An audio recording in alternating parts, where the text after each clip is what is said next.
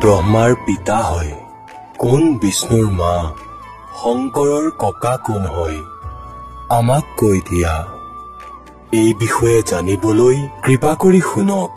জগতগুৰু তত্বদৰ্শী সন্ত ৰামপালজী মহাৰাজৰ অমৃত বচন সৰ্বপবিত্ৰ ধৰ্মৰ পবিত্ৰ শাস্ত্ৰৰ আধাৰত। পুণ্যাত্মাসকল পৰমাত্মাই কৈ আছিল যে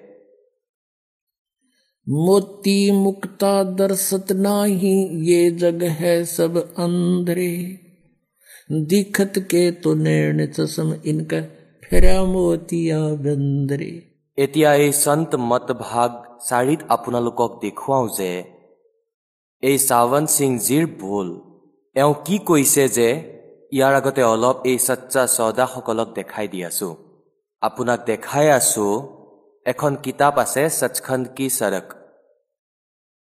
নাম এনেকুৱা ধুনীয়া লিখি দিয়ে যে মানুহ কাটি মাৰি মৰি যাব কিন্তু ক'ব যে কিতাপত ইয়াত ভাল জ্ঞানেই লিখা আছে সচখণ্ড কি চৰক অৰ্থাৎ মেটেল ৰোড চিধা ইয়াত কোনো অসুবিধাই নাই এনেকুৱা নাম ৰাখি দিলে সেইখনৰ দেখুৱাই আছো এই মেটেল ৰোড কেনেকুৱা খাল থকা এতিয়া এই কিতাপখন হৈছে সচখণ্ড কি চৰক প্ৰথম ভাগ ইয়াৰ ৰাইটাৰ হৈছে দাসন দাস হজুৰ মহাৰাজ সতনাম সিংজী ডেৰা সচ্চা চৌদা চিৰচা নামো নিজৰ সতনাম ধৰি লোৱা হৈছে সতনাম। এতিয়া এই সতনাম যি আছিল যি এই সচ্চা চৌদাৰ প্ৰৱৰ্তক বুলি মনা যায় তেওঁ শ্ৰী বিলোচিস্তানী চহমস্তানাৰ হেমামলজীৰ চিধা উত্তৰাধিকাৰী আছিল দ্বিতীয়। অৰ্থাৎ প্ৰথমতে তেওঁ আছিল দ্বিতীয় এওঁ। সেইজনেই লিখিছিল এই কিতাপখন। সতনাম সিংজীয়ে এয়া চাব ক'ত আছে ধন ধন সতগুৰু তেৰা হি আশ্ৰা আৰু সচখণ্ড কি চৰক প্ৰথম ভাগ এয়া সেইখনেই মহাৰাজজী সতনামজীৰ ফালৰ পৰা আৰু এয়া ক'ৰ পৰা ছপোৱা হৈছে ইয়াৰ প্ৰকাশক হৈছে ইন্দ্ৰসেন প্ৰবন্ধক ডেৰা সচ্চা চৌদা শিৰচা হাৰিয়ানা ভাৰত মুদ্ৰক হৈছে ইন্দ্ৰসেন প্ৰবন্ধক পৰমাৰ্থ উপদেশ প্ৰিণ্টিং প্ৰেছ ডেৰা সচ্চা চৌদা সতনাম সিংজী মাৰ্গ শিৰচা হাৰিয়ানা পিনক'ড ইমান ইয়াৰ দুশ ছাব্বিছ পৃষ্ঠালৈ লৈ যাওঁ আপোনালোকক এয়া হৈছে দুশ ছাব্বিছ পৃষ্ঠা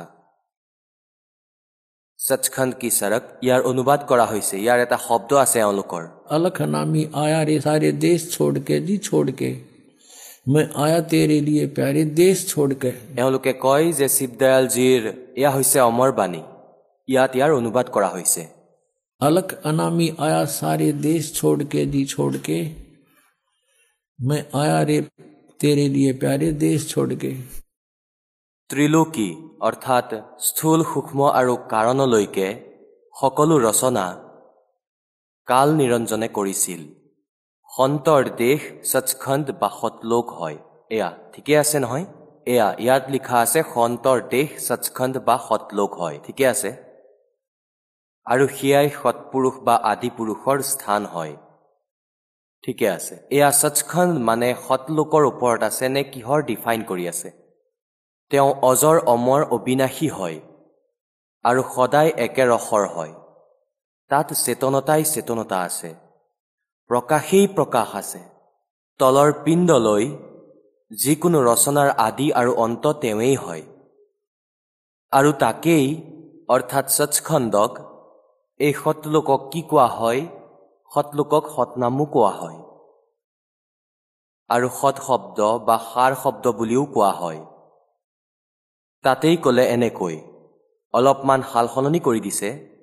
এই সচখণ্ডক সৎ লোকক যি সেই অজৰ অমৰ অবিনাশী হয় য'ত চেতনতাই চেতনতা আছে প্ৰকাশী প্ৰকাশ আছে আৰু একো নাই তাত। আৰু তাকেই সৎনামো কোৱা হয় সচখণ্ডক আৰু সৎ শব্দ বুলিও কোৱা হয় আৰু সাৰ শব্দও। তাকেই সৎলোক বুলিও কোৱা হয় আৰু সৎনাম বুলিও কোৱা হয়। এতিয়া পুণ্যাত্মাসকল এয়াই হৈছে এওঁলোকৰ জ্ঞান যি বেদতকৈ ওপৰৰ হয়। আৰু দেখুৱাই আছো এক কথা শুনাই থৈছিলে চাৱন সিংজীয়ে যে এটা সময়ত এক ইন্দ্ৰমতী নামৰ ৰাণী আছিল। আৰু সেইগৰাকী কবিৰ চাহেবজীৰ শিষ্য হয়। আৰু পিছলৈ তেওঁ কি কয় যে প্ৰথমতে কবিৰ চাহেব গুচি গ'ল সচখণ্ডত আৰু তেওঁ সোমাই গ'ল ভগৱানত। কাৰণ তাততো উজ্জ্বলতাই উজ্জ্বলতা প্ৰকাশেই প্ৰকাশ আছে। আত্মা তাত গৈ এনেকৈ মিলি যায় যে এটা টোপাল সমুদ্ৰত। ভগৱান নাই তাত। এয়া এওঁলোকৰ অজ্ঞান সিদ্ধান্ত হয়। ৰাধা স্বামী পন্থৰ ধন ধন সদগুৰু পন্থ আৰু এই জয়গুৰুদেৱ পন্থবোৰৰ। এতিয়া এওঁলোকৰ ডিছকাশ্যন দেখুৱাই আছো। আপোনালোকে চাব অবাক হৈ যাব। এয়া হৈছে সন্তমত প্ৰকাশ। চাৱন্ত সিংজীৰ সৎসংগৰ বচনৰ সংগ্ৰহ হয় এয়া। এয়া হৈছে ৰাধা স্বামী ব্যাসৰ পৰা প্ৰকাশিত। এওঁলোকৰতো এয়া বচন অমিত হয়। আপোনালোকক দেখুৱাই আছো এশ ঊনানব্বৈ পৃষ্ঠালৈ লৈ যাওঁ। এয়া চাব। সন্তমত ভাগ চাৰি আৰু পৃষ্ঠা এশ ঊনানব্বৈ তললৈ আহিছো। এনেকুৱা ৰাণী ইন্দুমতী আছিল। যেতিয়া কবীৰজীয়ে তেওঁক সচখণ্ডলৈ লৈ গৈছিল তেতিয়া তেওঁ তালৈ গৈ দেখিলে যে কবীৰ চাহেবেই সৎপুৰুষ হয় আৰু কয় যে হাই হাই হাই আপুনি যদি মোক এইখিনি কৈ দিলে হয় যে ময়ে সৎপুৰুষ হওঁ তেতিয়া কি মই আপোনাৰ সেৱা নকৰিলো হয়? ক'লে যে তুমি বিশ্বাস নকৰিলা হয়। এতিয়া তুমি ইয়ালৈ আহিলা। তোমাৰ ইচ্ছা কোৱা এতিয়া? তোমাৰ ইচ্ছা কৈ লোৱা এতিয়া। এই লোকৰ এতিয়া তেওঁ নিজেই কৈ আছে যে ইন্দুমতীয়ে সৎলোকলৈ গৈ কবীৰ চাহেবক দেখিলে। তেওঁ তাত গৈ দেখিলে যে কবীৰ চাহেবেই সৎপুৰুষ হয়। তেতিয়াহ'লে তোমাৰ জ্ঞান ক'ত গ'ল পৰম ধনী? য'ত আপুনি লিখি আছে যে কবীৰ চাহেব সৎপুৰুষ হয় আৰু তাত ইন্দ্ৰমতীৰ উদাহৰণ দি আছে তোমাৰ পৰম ধনীৰ কি হ'ব তাত গ'লে? আকৌ পিছত তেওঁ কৈ আছে যে যেতিয়া তাত কবীৰ চাহেবক পাই গ'ল এতিয়া আপোনালোকক আৰু এটা দেখুৱাম দুশ চৌষষ্ঠি পৃষ্ঠাত। এয়া চাব। এই সন্ত মতত ভাগ চাৰিত আৰু দুশ চৌষষ্ঠি পৃষ্ঠাত। এতিয়া চাব ইয়াত। সৎসংগীয়ে সুধিলে হজুৰ সন্তৰ পদবী ক'ত? মহাৰাজজী চাৱন সিংজীয়ে ক'লে যে আমাৰ ইমান বুদ্ধি আৰু মগজু নাই যে আমি সন্তৰ পদবীক বুজি পাম। তথাপিও শুনা ৰাণী ইন্দ্ৰমতী কবীৰ চাহেবজীৰ সময়ত হৈছিল। তেওঁলোকৰ মগজুত পৰ্দা পৰি গ'ল। ইন্দ্ৰমতীটো হৈছিল দ্বাপৰত। কবীৰ চাহেব হৈছিল কলিযুগত। সেই সময়ত কবীৰ চাহেব কৰোণাময় নামেৰেহে আহিছিল। কবীৰ চাহেব সমকালীন কবিৰ এই এজন। কবিৰ সমকালীন নাছিল। তথাপিও আমি তেওঁৰ এই বুদ্ধিকেই চাওঁ যে ক'ত কি কাম কৰে। ৰাণী ইন্দুমতী কবীৰ চাহেবৰ সময়ত হৈছিল। প্ৰথমতে কবীৰ চাহেব মালিকত গৈ বিলীন হ'ল। চাওক নিজৰ সিদ্ধান্তটোকে আকৌ ৰাখিলে। যে প্ৰথমতে কবীৰ চাহেব গৈ মিলি গ'ল। সচখণ্ডত ডুবি মৰি গ'ল। এওঁলোকৰ কোৱাৰ হিচাপত তাত প্ৰকাশেই প্ৰকাশ আছে আত্মা এনেকৈ মিলি যায় যে এটা টোপাল সমুদ্ৰত। প্ৰথমতে কবীৰ চাহেব মালিকত গৈ বিলীন হৈ গ'ল। তেওঁতো মিলি গ'ল তেওঁত। পিছত ৰাণী হ'ল। অৰ্থাৎ ৰাণী গৈ তাত ডুবি মৰি গ'ল। আৰু যেতিয়া ৰাণীয়ে সচখণ্ডলৈ গৈ কবীৰ চাহেবজীৰ পদবী দেখিলে তেতিয়া ক'ব ধৰিলে মহাৰাজ যদি আপুনি প্ৰথমতেই কৈ দিলে হয় যে মই অকাল পুৰুষ হওঁ মই সৎপুৰুষ হওঁ তেতিয়া মই ভজন স্মৰণ কৰি ব্যৰ্থ চিন্তিত নহলোহেঁতেন কবীৰ চাহেবে উত্তৰ দিলে যে তুমি সেই সময়ত বিশ্বাস নকৰিলা হয়।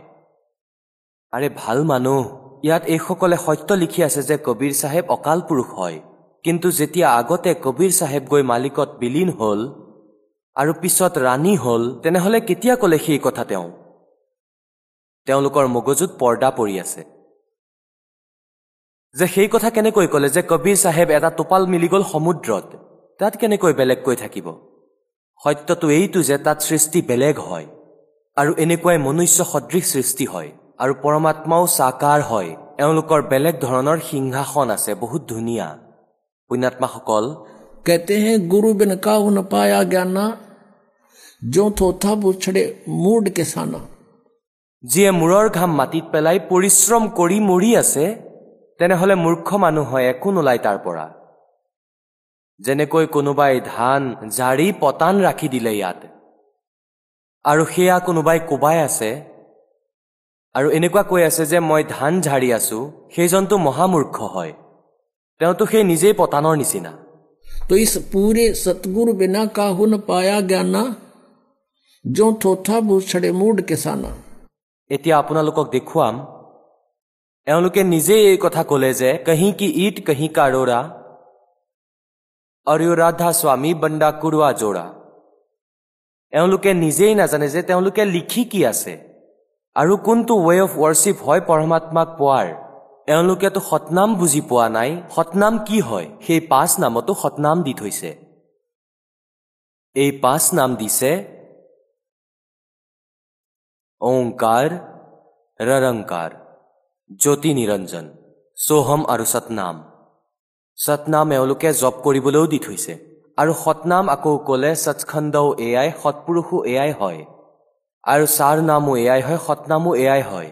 আৰু সাৰ শব্দও এয়াই হয়। যেনেকৈ কোনোবাই জংঘলত থাকে কেতিয়াও গাড়ীৰ কথা শুনা নাই কেৱল ৰাস্তাৰ কথা অলপ শুনিছে পেট্ৰলৰ নামো শুনিছে।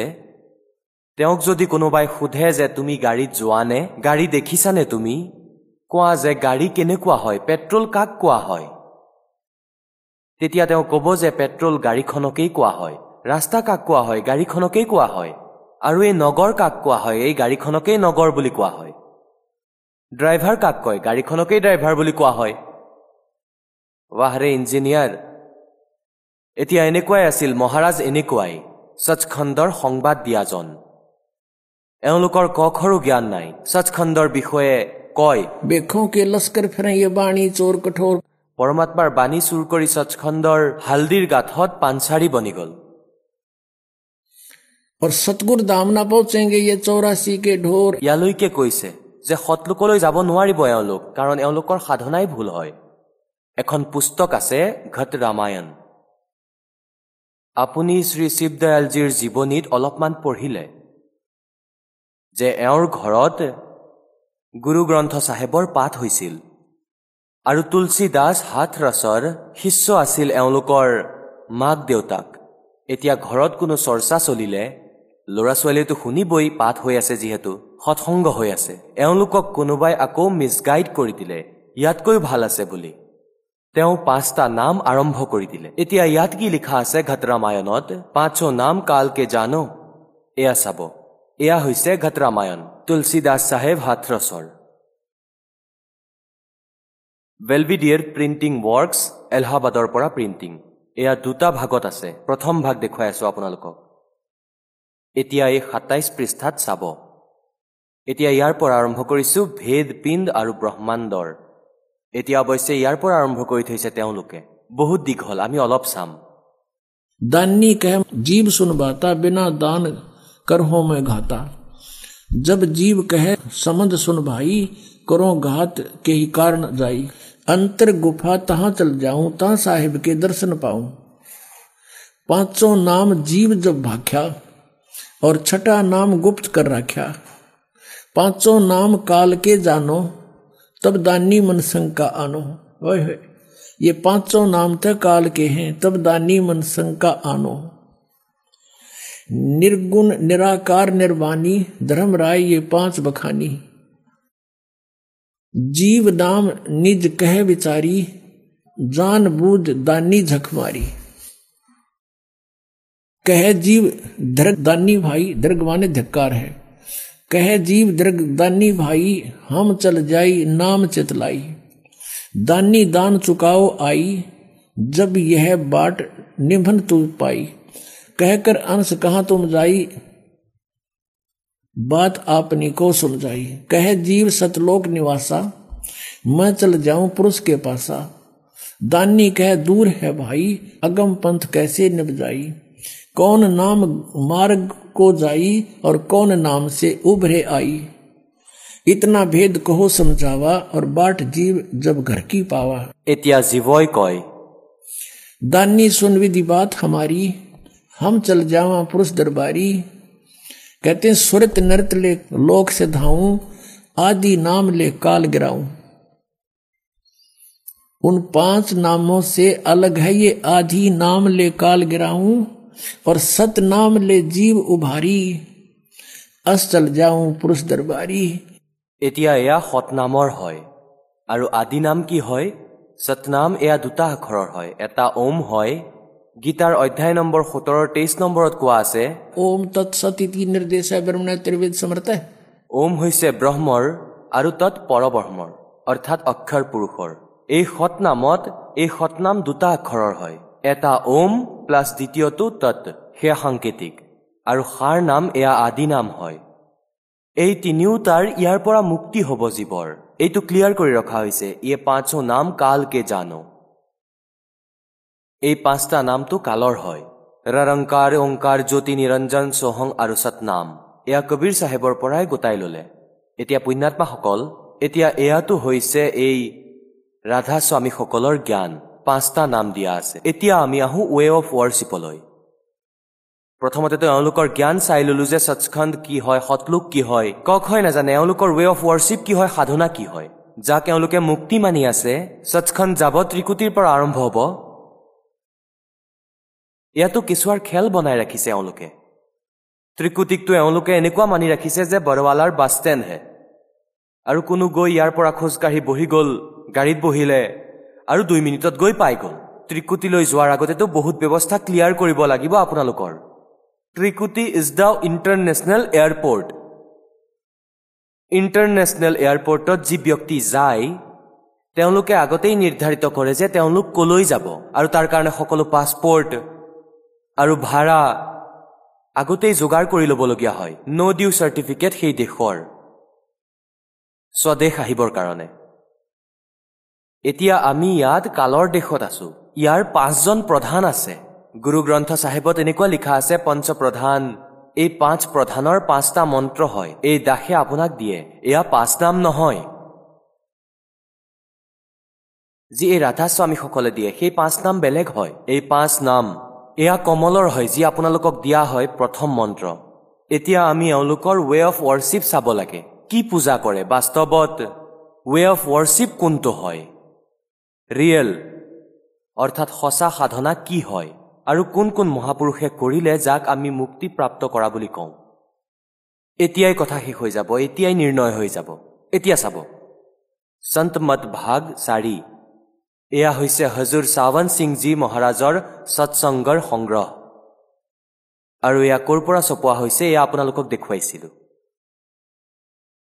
সন্ত মত প্ৰকাশ ভাগ চাৰি মহাৰাজ চাৱন সিংজী প্ৰকাশক সেৱা সিং ছেক্ৰেটেৰী ৰাধা স্বামী সৎসংগ ব্যাস ডেৰা বাবা জেমল সিং জিলা অমৃতসৰ মুদ্ৰক হৈছে Sartaj printing press Dhanda road Joshi state Jalandhar এতিয়া আমি ইয়াৰ দুশ এষষ্ঠি পৃষ্ঠালৈ আহোঁ ইয়াত আচৰিত কৰিছে এয়া হৈছে দুশ এষষ্ঠি পৃষ্ঠা আৰু এয়া হৈছে সন্ত মত প্ৰকাশ ভাগ চাৰি ইয়াৰ পৰা পঢ়োঁ চাব अक्षर रूप निखरती चाली छोड़ दिया अब देश बेगाना এতিয়া এই বাণীক ডিফাইন কৰিবলৈ ল'লে চাৱন সিংজীয়ে এই সংসাৰ ক্ষৰ হয় যি অক্ষৰ সেয়া ব্ৰহ্ম হয় এওঁ গীতাৰ পঢ়ি দিলে সোতৰ নম্বৰ শ্লোক ভুলতে তেওঁ।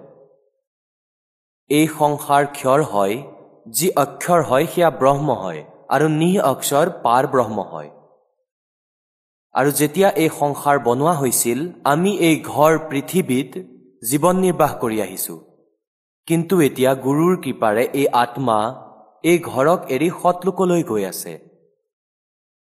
গুৰু গ্ৰন্থ চাহেবত বহুতো গভীৰ আৰু গুপ্ত ৰহস্য আছে এক স্থানত আছে कि बावन अक्षर लोक तरह सब कुछ इनके माही ये अक्षर खिर जाएंगे वो अक्षर इनमें नाही গুৰু গ্ৰন্থ চাহেবৰ এই পৃষ্ঠাত আগলৈ কি লিখা আছে कि सोई गुरु पूरा कहावे दो अक्षर का भेद बतावे एक छुड़ावे एक लखावे तो प्राणी निज घर को पावे फिर कहते हैं जे तू पढ़ा पंडित बिन दुई अक्षर दुई नावा प्रणवत नानक एक लंगाए जे कर सच समावा গুৰু গ্ৰন্থ চাহেবৰ পৃষ্ঠা এহেজাৰ এশ এসত্তৰত লিখা আছে सोई गुरु पूरा कहावे दो अक्षर का भेद बतावे ओह। एक छुड़ावे एक लखावे তো প্ৰাণী নিজ ঘৰ কো পাৱে। এতিয়া এই দুই আখৰ যি কৈছে এয়া এটাতো সতনাম হয় দুই আখৰৰ। ইয়াত এটা ওম আছে এটা গুপ্ত আছে। সেয়া দাসে কব। আৰু তৃতীয় যি আছে সেয়া তু পণ্ডা পণ্ডিত বিন দুই অক্ষৰ দুই নাৱা হে পৰমত নানক এক লংঘাই যে কৃষত সমাৱা। পণ্ডিতক কোৱা হয় হে পণ্ডিত বিদ্যান তুমি যদি এই দুই আখৰৰ বাহিৰে গোটেই বেদখনো পঢ়া তোমাৰ সেয়া পঢ়া ব্যৰ্থ হয়। আগলৈ কোৱা হয় কবিৰ চাহেবেও ইয়াত কৈছে যদি তুমি জ্ঞানী হয় গুণী হয় তেনেহ'লে সেই আখৰ কোৱা? সেই আখৰ পাৰ ব্ৰহ্ম হয়। ইয়াত উত্তৰো দিয়া আছে। এয়া দুটা আখৰ হয় এয়া পাৰ ব্ৰহ্ম হয় আৰু এটা আখৰে সৃষ্টি বনালে আৰু এটাই সতলোক বনালে। এনেকৈ সংযোগ লগালে। সতলোক সতলোকৰ কথা শুনি আছিল তেওঁলোকে। আৰু এয়াই কবিৰ চাহেবে কৈছে কহ কবিৰ দুই অক্ষৰ ভাখ হয়েগা খচম তো ৰাখ এয়াও গুৰু গ্ৰন্থ চাহেবত বাণী আছে কবিৰ চাহেবৰ। ইয়াত স্পষ্ট কৰিছে কবিৰ চাহেবে যে দুটা আখৰৰ নাম জপা ভাগ মানে কোৱা। ইয়াৰ জপ কৰা। হয়েগা খচম তো লয়েগা ৰাখ এয়া ইয়াৰ দিয়া অধিকাৰী হ'ব। তেন্তে তোমাৰ সকলো সময়তে ৰক্ষা হ'ব। এতিয়া আগত চোৱা গুৰু নানক চাহেবজীয়ে আকৌ কৈছে এক অক্ষৰ হৰি মন বছে নানক হত নিহাল এয়া আদি নাম হয় হাৰ নাম যাক কোৱা হয়। দুটা আখৰৰ এয়া সতনাম হয়। আৰু এই দুটা আখৰ এয়া সতনাম হয় আৰু এয়া আদি নাম হয় এক অক্ষৰ। সেয়াই ইয়াত ঘট ৰামায়ণত ইয়াৰ প্ৰমাণ আছে। দুশ এষষ্ঠি আমি পঢ়িলো এতিয়া দুশ বাষষ্ঠি পঢ়ো। এক স্থানত আকৌ গুৰু চাহেবে কয় বেদ কটিৰ চিমৃত চব চাচত इन पढ़्या मुक्त न होई एक अक्षर जो गुरमुख जापै तिसकी निर्मल सोई এতিয়া এইটো সঁচা কৈছে যে এক নাম হয় অৰ্থাৎ শাস্ত্ৰ আদি পঢ়ি একো লাভ নহয় এক অক্ষৰ যি গুৰুমুখে জাপে সেয়া আদি নামৰ বিষয়ে কোৱা হৈছে সেয়া জপ কৰিব লাগে আৰু ইয়াত কি কয় যে এওঁলোকৰ অনুবাদ সেই আখৰ আপোনাৰ ভিতৰত আছে এই বাণীৰ অনুবাদ কৰিছে চাৱন সিংজীয়ে গুৰু নানক দেৱজীৰ সেই আখৰ আপোনাৰ ভিতৰত আছে আৰু পাৰ ব্ৰহ্মত গৈ মিলিব। মৃত্যুৰ পাছত পাবা ভূত হৈ পাবা। সেই আখৰ আপোনাৰ ভিতৰত আছে আৰু পাৰ ব্ৰহ্মত গৈ মিলিব। এই ধৰ্ম আমাৰ ধৰ্ম নহয়। এই জাতি আমাৰ জাতি নহয়। এই দেশ আমাৰ দেশ নহয়। আমাৰ দেশ স্বচ্ছন্দ হয় আৰু আমাৰ জাতি সতনাম হয়। এনেদৰে আকৌ সংযোগ বনাইছে সতনামৰ সতনাম এওঁলোকৰ বাবে জাতি হৈ গ'ল। ইয়াৰ সচখণ্ড সতনাম আৰু কিমান সতলোকৰ পৰা সতনাম কিমান সৎস্থানৰ পৰা সতনাম সৎপুৰুষো সতনাম আৰু আচল ৰামো সতনাম আৰু এওঁলোকে কৈছে আমাৰ জাতিও সতনাম আৰু আমাৰ ধৰ্ম হৈছে সৎপুৰুষ। ইয়াত ধৰ্ম ক'লে এওঁলোকে। সেয়াতো আমাৰ ভগৱান হয়। এই পৰৰ দেশ এৰি আত্মা নিজৰ দেশলৈ গৈ আছে। এতিয়া চাব। চাফ উৰি উঁচে ক ছুট গয়া সব মহল পুৰণা এতিয়া আত্মাই এই পুৰণা ঘৰটো য'ত লাখ বছৰ আছিলে সেয়া এৰি সতনামলৈ গৈ আছে। সতনামৰ কথা কৈছে ইয়াত কি সম্পৰ্ক আছে? সতনামলৈ গৈ আছে এতিয়া আগলৈ চাওক। আগে চড় চড় অধৰ সমানী শব্দ শব্দ কা মৰম পেচাণী এয়া এওঁলোকৰ নিজৰ বাণী নিজে বনাই লোৱা। অন্দৰ শব্দৰ অৰ্থ কৈছে ইয়াত ওম শব্দ। সোহম শব্দ আৰু সৎ শব্দ। পৰমাত্মাই কৈছে সোহম শব্দটো আমি জগতলৈ আনিলো আৰু সাৰ শব্দ আমি গুপ্ত ৰাখিলো। কবিৰ চাহেবৰ বাণীৰ পৰা উলিয়াইছে এয়া। কিন্তু বিনা জ্ঞানেৰে এওঁলোকে আগগুৰি একো বুজি পোৱা নাই। আকৌ কৈছে অন্দৰ শব্দৰ পৰ্যায়ৰ হৈছে ওম শব্দ সোহম শব্দ আৰু সৎ শব্দ। এতিয়া যেনেকৈ গুৰু নানকজীয়ে কয় দুটা আখৰৰ ভেদ। ইয়াততো কৈছে ভিতৰত পাব বাহিৰত ক'তো বিচাৰি নাপায়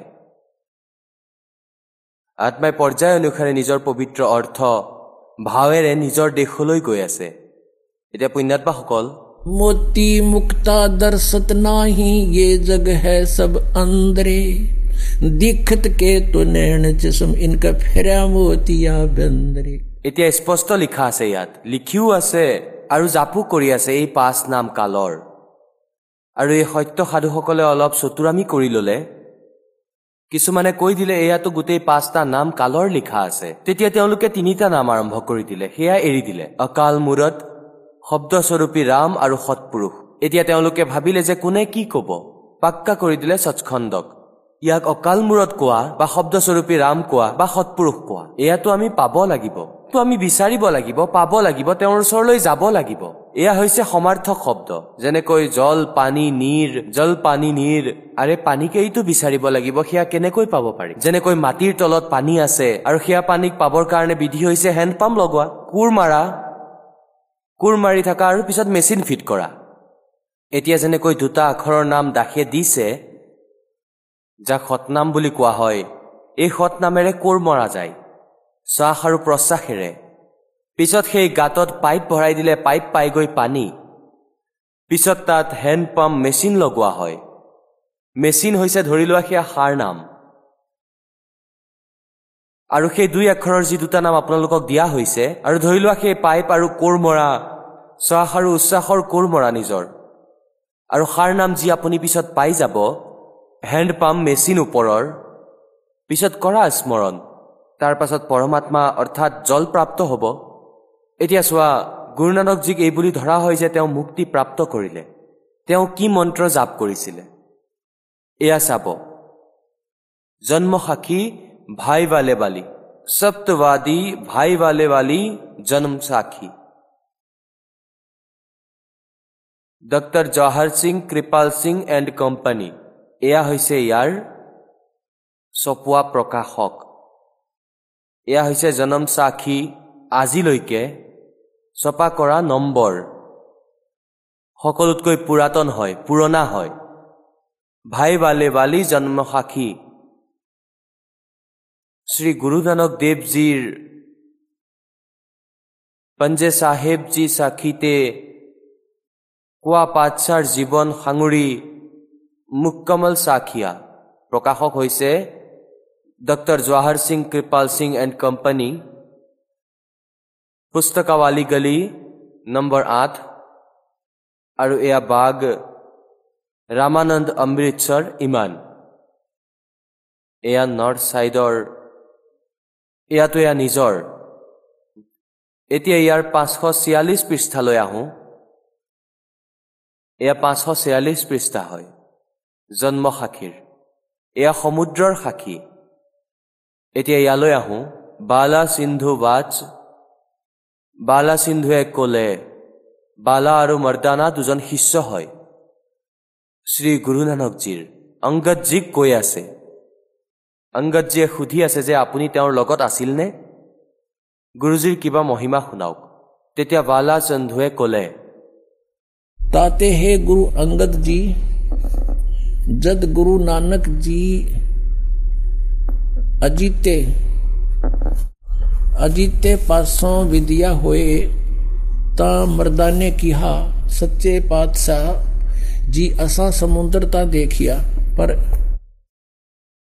लंका नहीं देखी जिथे रामचंद्र जी चढ़ाई कीती है ता गुरु नानक जी किहा चलो भाई बाला ते मर्दाना ਤੁਹਾਨੂੰ ਰੰਜ ਨਹੀਂ ਕਰਨਾ ਆਖੀ ਮੀਟੋ ਆਂਖ ਮੀਚੋ ਜਾਂ ਆਖੀ ਮੀਟ ਕੇ ਖੋ ਲਿਆ ਤਾਂ ਸਮੁੰਦਰ ਦੇ ਕੰਢੇ ਜਾਈ ਖੜੇ ਹੋਏ ਤੇ ਆਖਣ ਲੱਗੇ ਬਾਲਾ ਤੇ ਮਰਦਾਨਾ ਮੇਰੇ ਪਿੱਛੇ ਪਿੱਛੇ ਚਲੇ ਆਓ ਔਰ ਮੁਖੋਂ ਵਾਹਿਗੁਰੂ ਵਾਹਿਗੁਰੂ ਕਹਿੰਦੇ ਆਓ ਤੇ आगे आगे गुरु जी तुर पे जैसे धरती ऊपर तुरदे सन समुद्र में चल पड़े जैसे धरती पर चलते उसे तरह समुद्र ऊपर तुर पे जहां चले जावण ते पीछे पीछे बाला ते मर्दाना जावण ता मर्दाने विचार कीती कि गुरु जी गुरु नानक देव जी ਓਮ ਸੋਹਮ ਜਪਦੇ ਜਾਂਦੇ ਹਨ ਤਾਂ ਮਰਦਾਨਾ ਵੀ ਓਮ ਸੋਹਮ ਲੱਗਾ ਜਪਣ ਤੇ ਲੱਗਾ ਗੋਤੇ ਖਾਵਣ ਜਾਂ ਗੁਰੂ ਨਾਨਕ ਜੀ ਦੇਖਣ ਤਾਂ ਮਰਦਾਨਾ ਗੋਤੇ ਖਾਂਦਾ ਹੈ ਤਾਂ ਗੁਰੂ ਜੀ ਕਿਹਾ ਕਿ ਮਰਦਾਨਾ ਤੂੰ ਗੁਰੂ ਜੀ ਦੀ ਕਰਨੀ ਵੱਲ ਨਹੀਂ ਦੇਖਣਾ ਗੁਰੂ ਜੀ ਦੇ ਵਚਨਾਂ ਪਰ ਚੱਲਣਾ चाहिए तू मर्दाना ओहे आख जे असा आख्या है ਤਾਂ ਮਰਦਾਨਾ ਫੇਰ ਲਗਾ ਵਾਹਿਗੁਰੂ ਵਾਹਿਗੁਰੂ ਕਹਿਣ ਤਾਂ ਫਿਰ ਜਲ ਉਪਰ ਉਸੇ ਤਰ੍ਹਾਂ ਤੁਰਨ ਲਗਾ ਪੁਨਰਵਾ ਹਕਲ ਇਹ ਅਜੀ ਜਨਮ ਹਾਕੀ ਹੋਏ অৰ্থাৎ গুৰু নানক দেৱৰ বিষয়ে আৰু সকলে অন্য গুৰুসকলৰ বিষয়ে সৎজ্ঞান আছে ইয়াত লিখা আছে। এতিয়া এয়া হিন্দীত অনুবাদ আছে পাঞ্জাবীত হয়তো আপোনালোকে বুজিব নোৱাৰিব।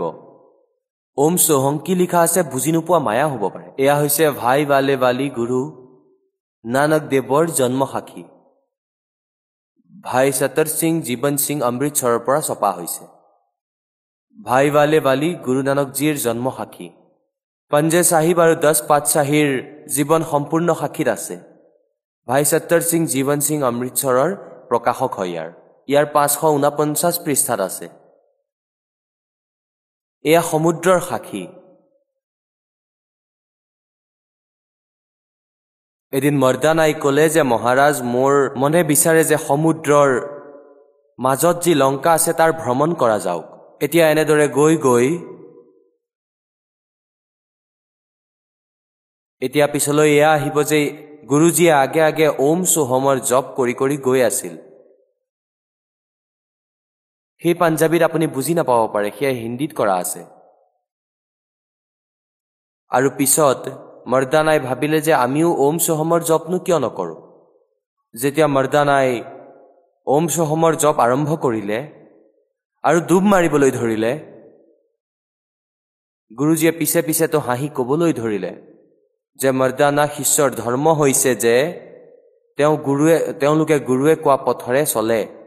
সেইকাৰণে তোমালোকে ৱাহেগুৰু জপ কৰা তোমাৰ তাৰ পৰাই কল্যাণ হ'ব এতিয়া পুণ্যাত্মাসকল এনেকৈ কিয় ক'লে গুৰু নানকজীয়ে নিজেতো জপ কৰিয়ে আছে সেই সৎনামৰ আৰু শিষ্যক কৈ আছে যে এয়া জপ নকৰিবা কিয়নো তেওঁৰ ওচৰত আদেশ আছিল পৰম পিতাৰ धर्मदास तो लाख दुहाई ये सार नाम किते बार न जाई सार शब्द बार जो पढ़ी বিচলি পিডি হনসেনা তেৰহি। গুৰু নানক যে পৰমাত্মাক পাইছিল সৎখণ্ডৰ পৰা আহি। নিজৰ লীলা অনুসৰে সকলো ভাল আত্মাক আহি তেওঁ লগ কৰে। আৰু তেওঁলোকক কৈ দিছিল যে তোমালোকে এইটো নাম জপ কৰা এই সৎনামক জপ কৰা এয়া হৈছে দুটা আখৰৰ জপ। আৰু সেই ৰাধাস্বামীসকলে ক'লে এই দুই আখৰ যি গুৰুৱে জপ কৰে সেই গুৰু কি হয় যি দুটা আখৰৰ ভেদ কয়? তেন্তে এইসকল পূৰ্ণ নহয় এয়া পাঁচ অক্ষৰৰ হয়। এতিয়া দুটা অক্ষৰৰ এয়া হয় যি আপোনালোকৰ সন্মুখত কলো। আৰু গুৰু নানকজীয়ে এই কাৰণেই মানা কৰি দিছিল যে মৰ্দানাক যে অহা দিনত কোনোবাই যাতে এই নামৰ জপ কৰি নিদিয়ে আৰু এই ভেদ খোল খাই যায়। কাৰণ গুৰু নানকজীৰ দৰে মহাপুৰুষ তেওঁক ভগৱান লাগিছিল সমাজ নহয়। তেওঁ পৰমাত্মাৰ আজ্ঞাক পালন কৰিলে। এই মন্ত্ৰৰ কাকো কোনো থাৰ্ড পাৰ্চনক ভেদ নিদিলে ছেকেণ্ডকো নিদিলে। আৰু এয়া প্ৰমাণিত কৰি দিলে যে এই নাম জপাৰ পিছতেই মোৰ মুক্তি হ'ল। আজি সেই সৎনাম পুণ্যাত্মাসকল আপোনালোকে পাই গ'ল। আৰু ইয়াৰ পৰাই মুক্তি হ'ব। এয়াই হৈছে এই পাঁচ নাম। পিছত কেৱল সমাধি লগাই লোৱা। পাঁচ নামটো এই মণ্ডলৰ হয়। এই পাঁচ নামটো মণ্ডলৰ হয় পাছত তুমি কলৈ যাবা সেই গৈ থকাৰ নাম কোৱা পৰমাত্মাই কয় सो हम शब्द हम जग में लाए सार शब्द हम गुप्त छिपाए এতিয়া সোহম শব্দটো লৈ ল'লে তেওঁলোকে কবিৰ বাণীৰ পৰা এতিয়া এই সৎ শব্দটো তেওঁলোকে কিন্তু বুজি পোৱা নাই আৰু নাইবা এই নাম দুই আখৰৰ নাম তেওঁলোকে নিদিয়ে ইয়াৰ পৰা সিদ্ধ হৈ গ'ল যে ৰাধা স্বামী পন্থসকলৰ জ্ঞান ভুল হয়। তেওঁলোকৰ ৱে অফ ৱৰ্শ্বিপ তেওঁলোকৰ সাধনা ভুল হয়। অৰ্থাৎ এই পন্থ কালৰ জালত আছে। দাসে কোনো ঈৰ্ষাত কোৱা নাই পৰমাৰ্থবশত এই কথা কৈ আছে। পুণ্যাত্মাসকল এই জন্মসাক্ষী এক চৰ্দাৰৰ সন্তান লগা নাই যেতিয়া ইয়াৰ জ্ঞানৰে পৰিচিত হৈ গলো। আমিতো গুৰুগ্ৰন্থ চাহেবক দেখিছো আৰু সৎগ্ৰন্থকো দেখিছো তেন্তে তেওঁলোক নিজ ইতিহাসেৰে পৰিচিত হোৱা প্ৰাণী। তেওঁ আনি ক'লে যে আমি আপোনাক দৃঢ় বিশ্বাস কৰিলো আমি যে এই মন্ত্ৰকেই গুৰু চাহেবে জপ কৰিছিল। আৰু গুৰু নানকজীৰ বাহিৰে এই মন্ত্ৰৰ কোনো তাৰ তলত তাৰ পাছত যিমানবোৰ গুৰু চাহেব হ'ল তেওঁলোকৰো সমুদ্ৰৰ ভেদ নাছিল। এয়া হৈছে প্ৰত্যক্ষ প্ৰমাণ। গুৰুনানক দেৱজীয়ে নিজৰ শিষ্যক এইকাৰণেই কৈ দিছিল যে যাতে আগলৈ ইয়াৰ কোনেও জপ নকৰে। আৰু বাণীত লিখি থৈছিল তেওঁ নিজৰ বাণীত এই মন্ত্ৰটো। আৰু সেই বাণীক এৰি দিয়া হৈছিল গুৰু গ্ৰন্থ চাহেবৰ ৰচনা কৰাৰ সময়ত। কিহৰ বাবে যাতে কিবা কাৰণত কিয়তো গুৰুদেৱৰ আদেশ আছিল যে এই মন্ত্ৰ জপ নকৰিবা। তেতিয়া সেই বাছি দিয়া বাণী এৰি দিয়া বাণী প্ৰাণসংগিনী নামৰ পুস্তক বেলেগকৈ বনোৱা আছে।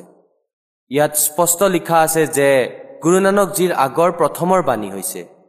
যি গুৰুগ্ৰন্থ চাহেবৰ ৰচনা কৰাৰ সময়ত থাকি গৈছিল এয়া বেলেগকৈ লিখা হৈছিল। ইয়াত ক্লিয়াৰ লিখা হৈছে দুই অক্ষৰ।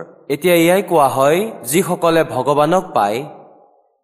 হম চুলতানী নানক তাৰে দাদু কো উপদেশ দিয়া জাত জুলাহা ভেদ ন পায়া কাশী মাহে কবীর হোৱা আদৰণীয় গৰিদ্দাস চাহেবে কৈছিল যে আমাক ভগৱানে চালে কাক আমি চুলতানী আব্ৰাহিম চুলতান অধম নামৰ এই মুছলমান ৰজা আছিল নানকজীক দাদুজীক हम सुल्तानी नानक तारे दादू को उपदेश दिया जात जुलाहा भेद नहीं पाया वो काशी माहे कबीर हुआ এতিয়া গৰিদ্দাস চাহেবে নিজৰ অমৃতবাণীত লিখিছিল ओ हम सो हम पालड़ रंग होरी हो चौदह लोक चढ़ावे राम रंग होरी हो तीन लोक पास्यंग धरे रंग होरी हो तो ना तुले तुलाया राम रंग होरी हो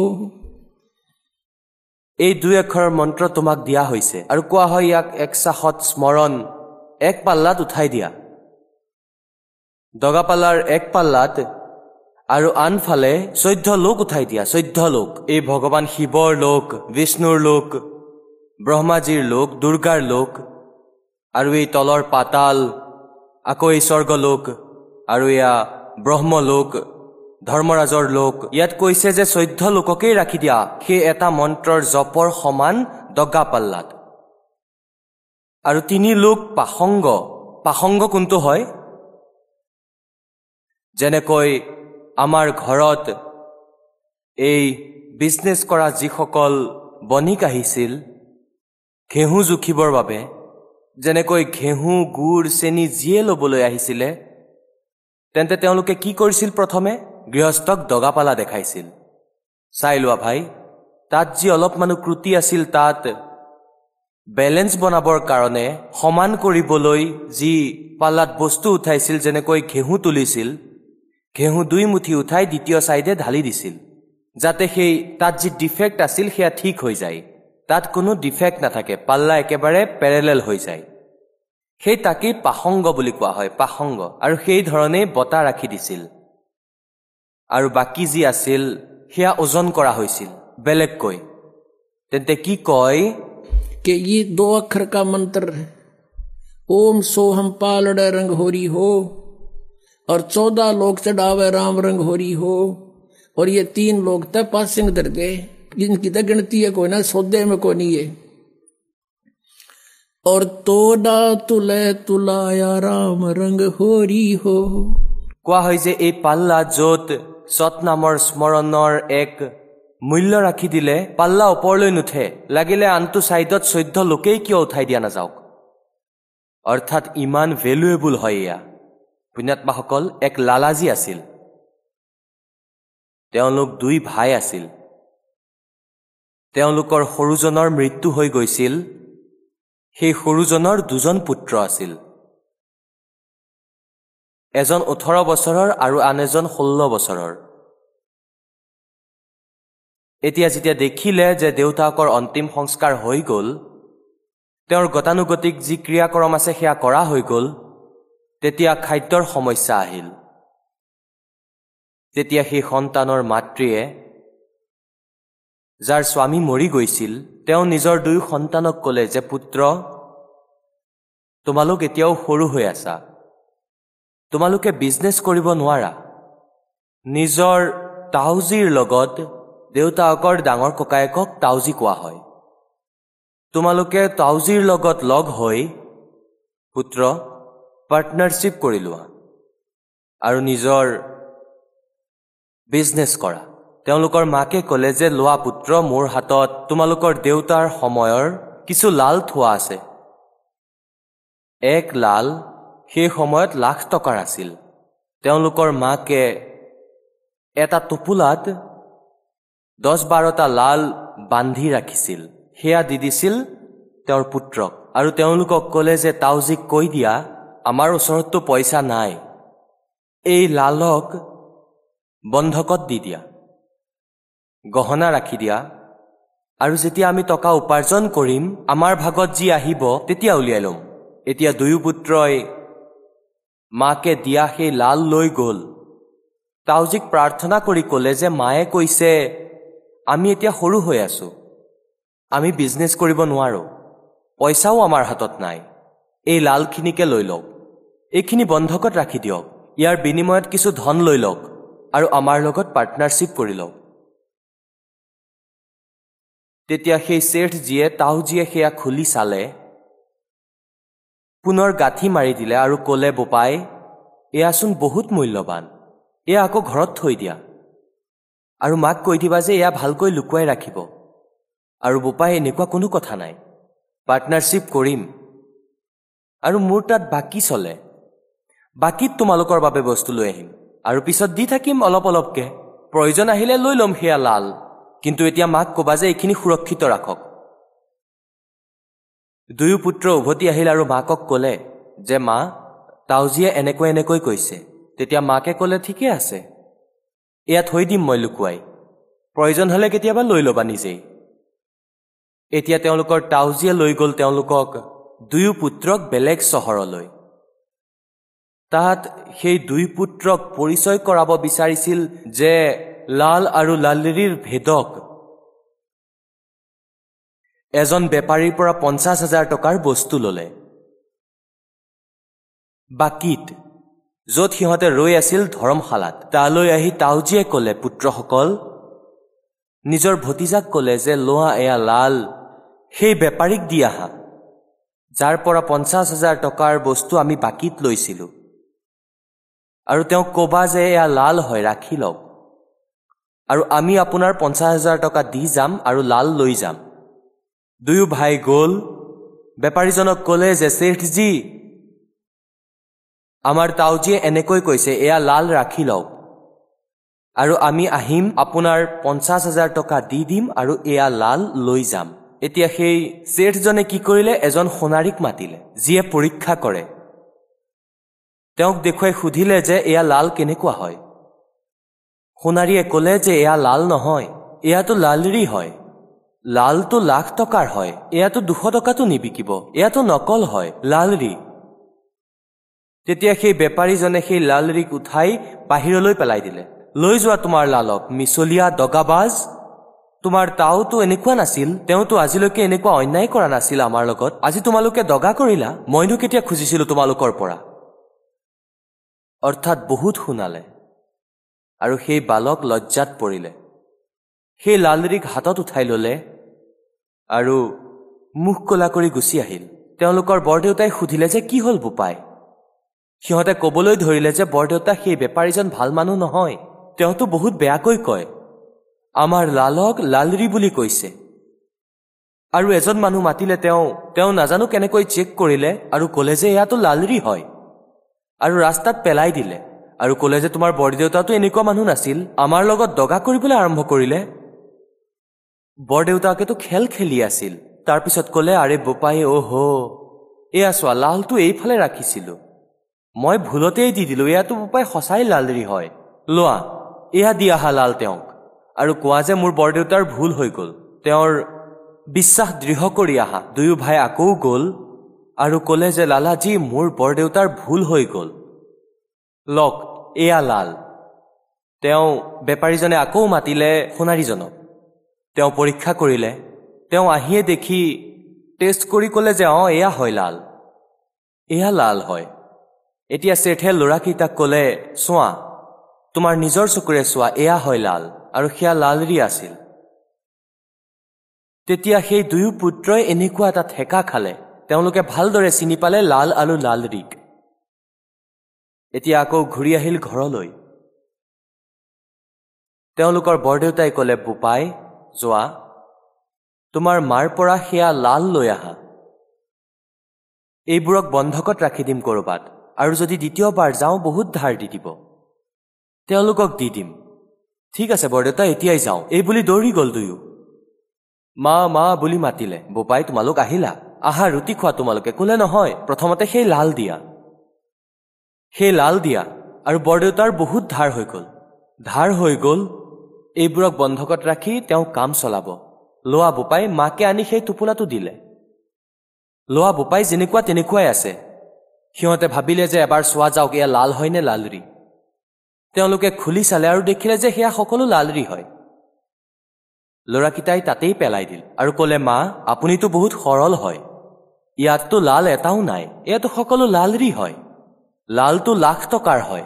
এয়াতো দুশ টকাৰো নহয়।